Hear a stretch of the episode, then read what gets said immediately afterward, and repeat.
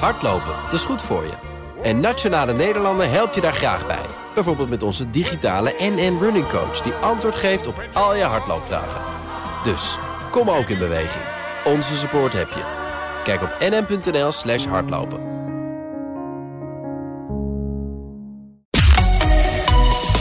BNR Nieuwsradio. De Dutch Podcast Top 20. André Dortmund.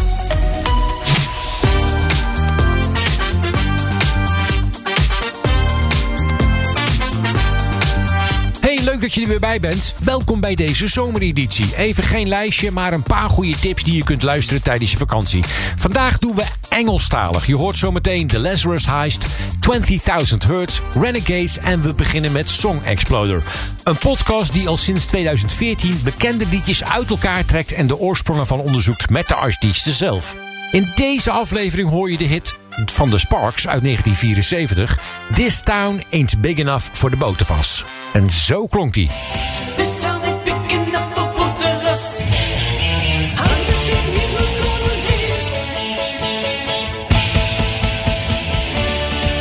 I'm Russell Mail from Sparks. And this is Ron Mail from Sparks. We moved to England in 1973, but we had had two albums out in the States previously, but they sold in a very uh, slow fashion. We had played one show in the UK with the band that we had at the time, and Island Records really liked the songwriting and they really liked the singing and thought if we assembled British musicians around us that there was something there that they could push. So Russell and I just moved to England and there were no songs. So over a period of about six months, I was writing and one of the songs that came up was This Town Ain't Big Enough for the Both of Us. Ron had played me the song just on this upright piano. And I thought it was really striking. It sounded very classical, like a classical melody.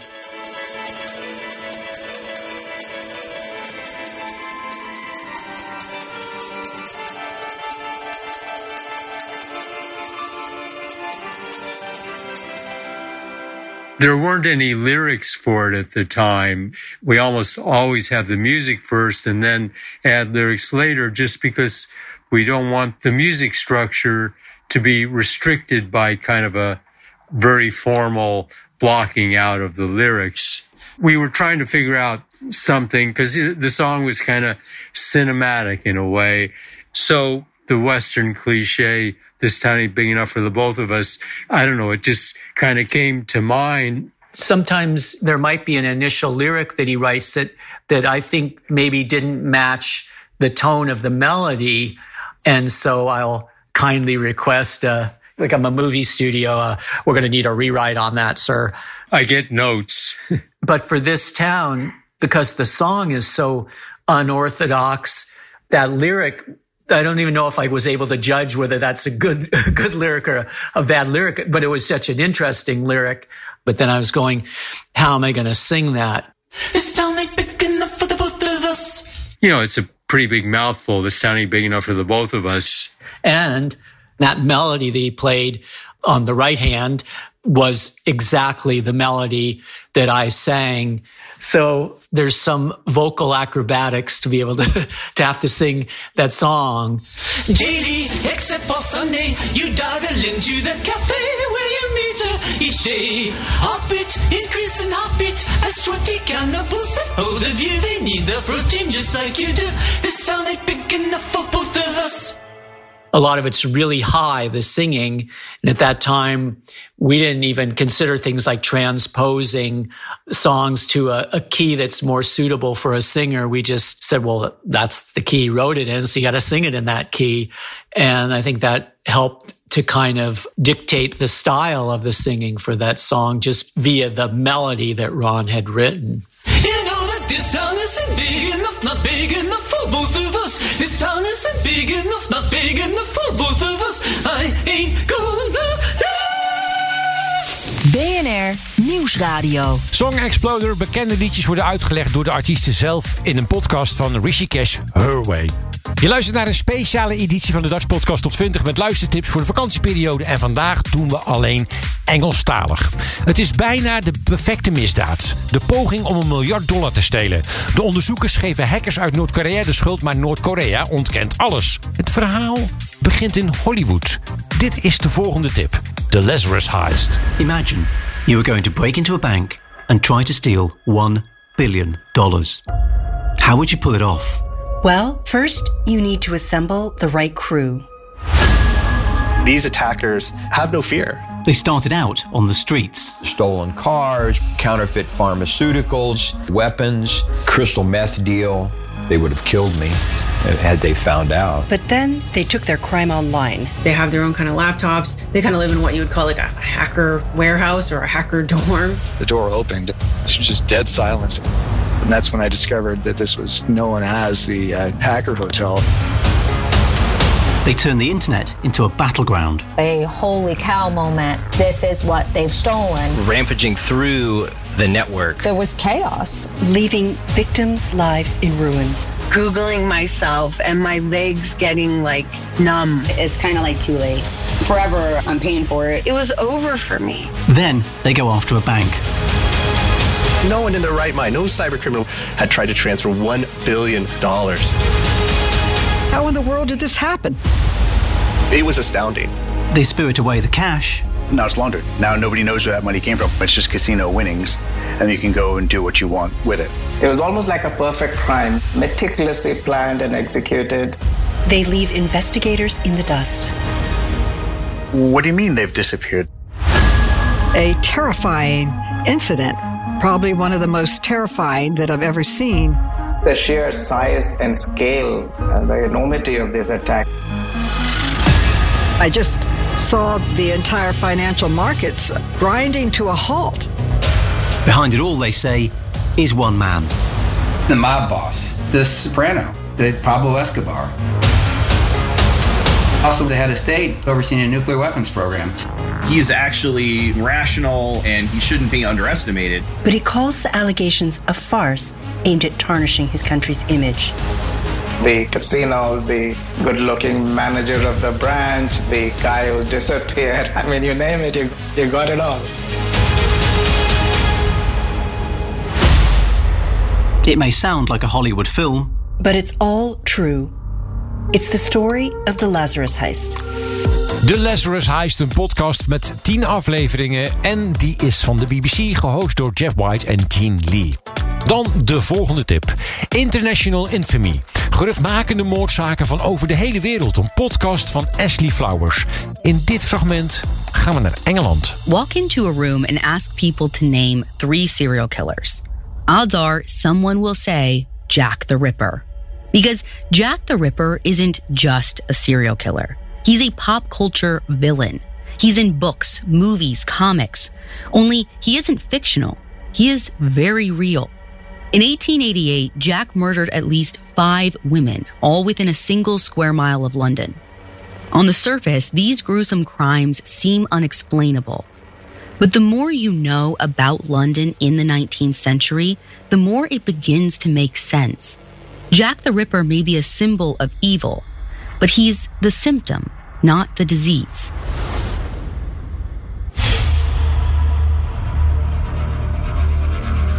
Often in an unsolved crime, you can point out exactly where it all went wrong. The moment a lead was dropped, or the trial was compromised. I've read about a lot of cases where the police majorly screwed up. And let me tell you, Jack the Ripper, this case isn't one of them. Let's go back to London in 1888. The Metropolitan Police discover the second murder along Whitechapel Road in less than a month. So they do just what they're supposed to. They call in an expert from Scotland Yard, Inspector Frederick Aberline. Inspector Aberline's been to Whitechapel. He worked there for 14 years. This is one of the worst neighborhoods in London. No one has any money, a huge portion of the population doesn't have housing, and apparently, one of the more popular crimes is stealing people's dogs. Aberline knows the dangers of Whitechapel better than anyone, and when he arrives, the police fill him in on the latest murder. The victim's name is Polly Nichols. Unlike many women at the time, Polly was literate. She grew up around the newspaper business. She lived in Whitechapel with her husband and kids until her husband started cheating on her with the next door neighbor. At the time, it was basically impossible for a woman to get a divorce. Polly left her husband, but sadly, she was seen as a fallen woman. She had nowhere to live and was doing odd jobs to scrape together money for a bed in a Doss house, which was basically a for profit homeless shelter. The night of Polly's murder, she didn't have the money to pay for her bed. She was turned away at the Doss house door. Polly told the landlord she'd get her money and be back. But hours later, she was found lying in the street, dead. Polly was killed right in the spot where she was found. And she must have been killed quickly, within the half hour it took the local police constable to do his rounds. But no one in the area saw or heard anything, which, given how gruesome the scene is, is shocking. Polly's killer strangled her, then tried to behead her with a knife. When she's found, her head is barely attached to her body, and her skirts are pulled up to her waist, revealing jagged incisions down her abdomen. The cuts are almost surgical, as if the killer was trying to get to her organs. Despite years of expertise, Inspector Aberline is lost. He says not the slightest clue can be obtained from the crime scene. Still, he tells the officers to interview locals. And here's where they find their first lead. It just so happens there's a mysterious criminal in the area nicknamed the Leather Apron. He's been extorting sex workers under the threat of disembowelment. If they don't pay, he'll cut them open. Just like someone cut open Polly Nickel. BNR Nieuwsradio. André Dortmund. De Lazarus Heist, een podcast over geruchtmakende moordzaken van over de hele wereld. Als je van true crime houdt, moet je deze even luisteren. Een podcast van Ashley Flowers. Tip nummer 4. 20.000 Hertz, een podcast over de meest herkenbare en interessante geluiden. In deze aflevering duikt Dallas Taylor, de host van de podcast, in de 100 jaar oude tune van 20th Century Fox. En die ken je wel. After just one second, you might be able to guess what this is. It has introduced thousands of films. And for millions of people, it means one thing it's movie time.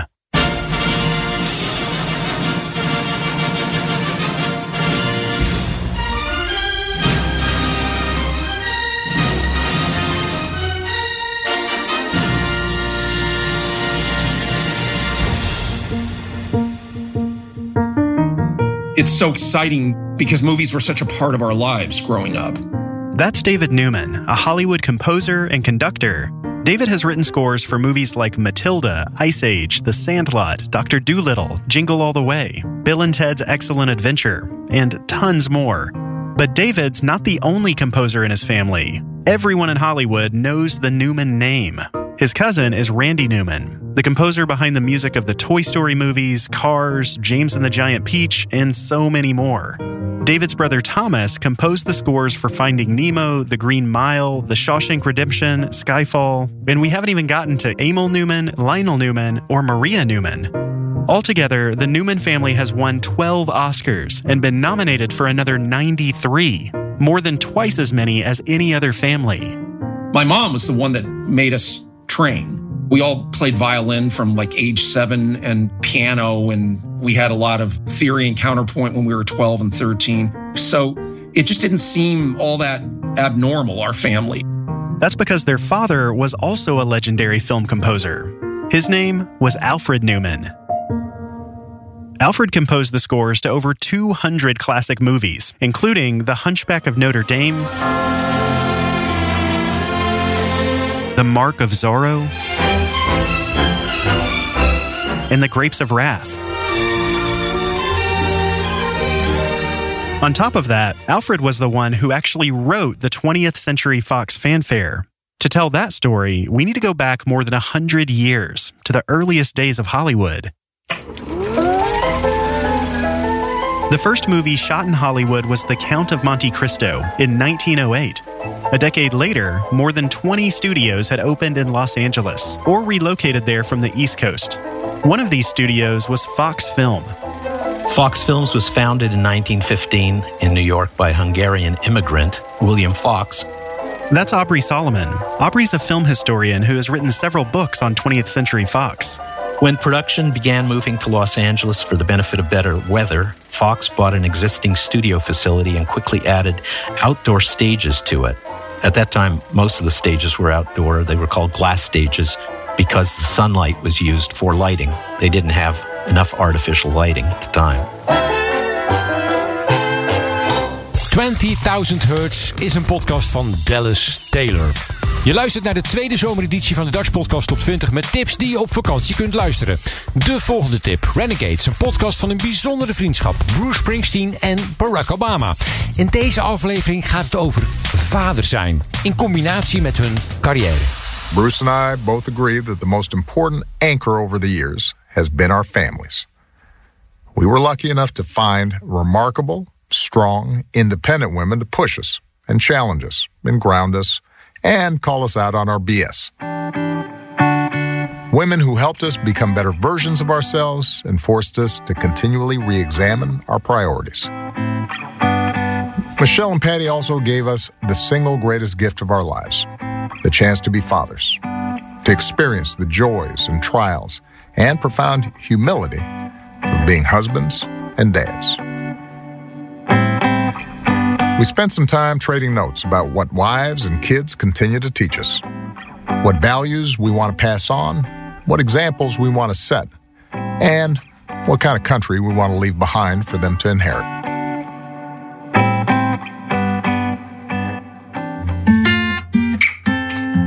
We're now dads. Oh, yeah. And uh, how, how did that change you? How much on the job training did you still have to do? Was there still a lot of stuff you had to work out before you kind of got to the point where you said, "All right, this is this is the kind of dad I want to be"? The problem that I had was I didn't trust myself for a long, long, long time with someone else's feelings. All you have is faith to go on. If you take a baby step, you'll be able to take another one. Where did that faith come from? comes out of the love in your life. In my case, Patty was an enormous source of love in my life and a deep well of faith for me. Gave me the faith in myself to risk parts of myself that I had never risked before and say, hey, I, I think I'm there at a place where I can I can hold this down and let the chips fall where they may. If it all crumbles and comes apart and winds up in ruin, then that's what happened. You know. But if it doesn't, what if it doesn't? Then what am I going to do? What if suddenly I find myself with a family and with a long standing love? Who, who am I then? All of these things came into question way before being a, a dad and you know, Patty and I, we were just together and we were just loving, loving each other. That was, that was our business of the day to build something. I'm 35, 36 years old. Uh, that's, that's getting up there, you know? And deep inside, I, I want to have a family. And I felt like I've got to be honest with her. I said, Patty, I don't I don't know if I can make this. And she just said, Well, we'll see. Ja. Een bijzondere vriendschap, Bruce Springsteen en Barack Obama in één podcast. En die podcast heet Renegades. De laatste Engelstalige tip van deze week. Tomorrow's Monsters. Een psychologische sci-fi thriller, een hoorspel. En een hoofdtelefoon wordt aangeraden om de beste beleving te ervaren. Tomorrow's Monsters is een podcast van iHeartRadio. Hou je vast. Monday, March 27, 0800 hours. Test subject 003B. Tamara, Jessup. We are currently at 218 hours without sleep. Patient reporting agitation and lack of focus several hours sooner than the last dose. How are you feeling? Tired. Coming down, I think. Any side effects since last night? Uh, a little uh, ringing in my ear. Which one? So, the left ear. Anything else? Mood swings? Are you upset? No. But you were crying. Why are you? Cr- Just emotional. The voices, too. Voices. Yeah. Have you talked to Dr. Berkeley about that? Shut up. I'm not going to tell you that. Excuse me? No, um. No, no, no. Not, not. Let me call Dr. Berkeley. Don't, I don't need your shrink. Sorry? I'm fine. Really, I'm fine. Okay. And you haven't been feeling ill? No. Physically ill? Look, can we get on with it and dose me already? We can do the dog and pony show some other time, yeah? It's important to collect these data points before. I'm sorry. I'm sorry. I just need the fog to go away. All right. All right. For the record, this is round 13 with dosage of two full exposures, 62.5 PRF, five seconds each. Eyes forward. Deep breath. Ready? Yes. Here's exposure one. Keep breathing, Tamara. Tamara? Tamara!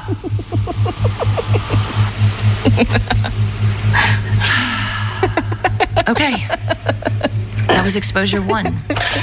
Patient is responsive, heart rate spiked to 200, but seems to be stabilizing. Okay, let's go through the questions. What was your first thought? Red balloons. What did you smell? Cut grass. Any tingling? My feet are asleep. My face, too. Breathe deep. Let the blood get back to your head. I don't remember starting that one. I went deep that time. Ready for exposure two? Yes.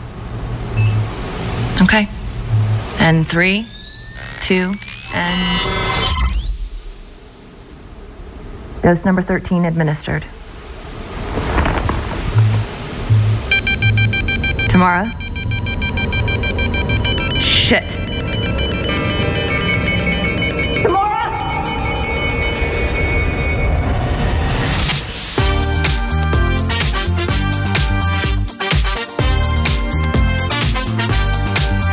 Dit was de laatste Engelstalige tip van deze week. Tomorrow's Monsters, een podcast van iHeartRadio. Lekker om in je vakantie naar te luisteren aan het strand... of ergens op de camping of weet ik veel waar. Volgende week doen we klassiekers. Nou, heb jij een klassieke tip voor me? Dus dat je denkt van, dat is echt een klassieke podcast. Dre, die moet je meenemen. Mail hem naar me. Mail hem naar dutchpodcasttop20.bnr.nl Tot volgende week.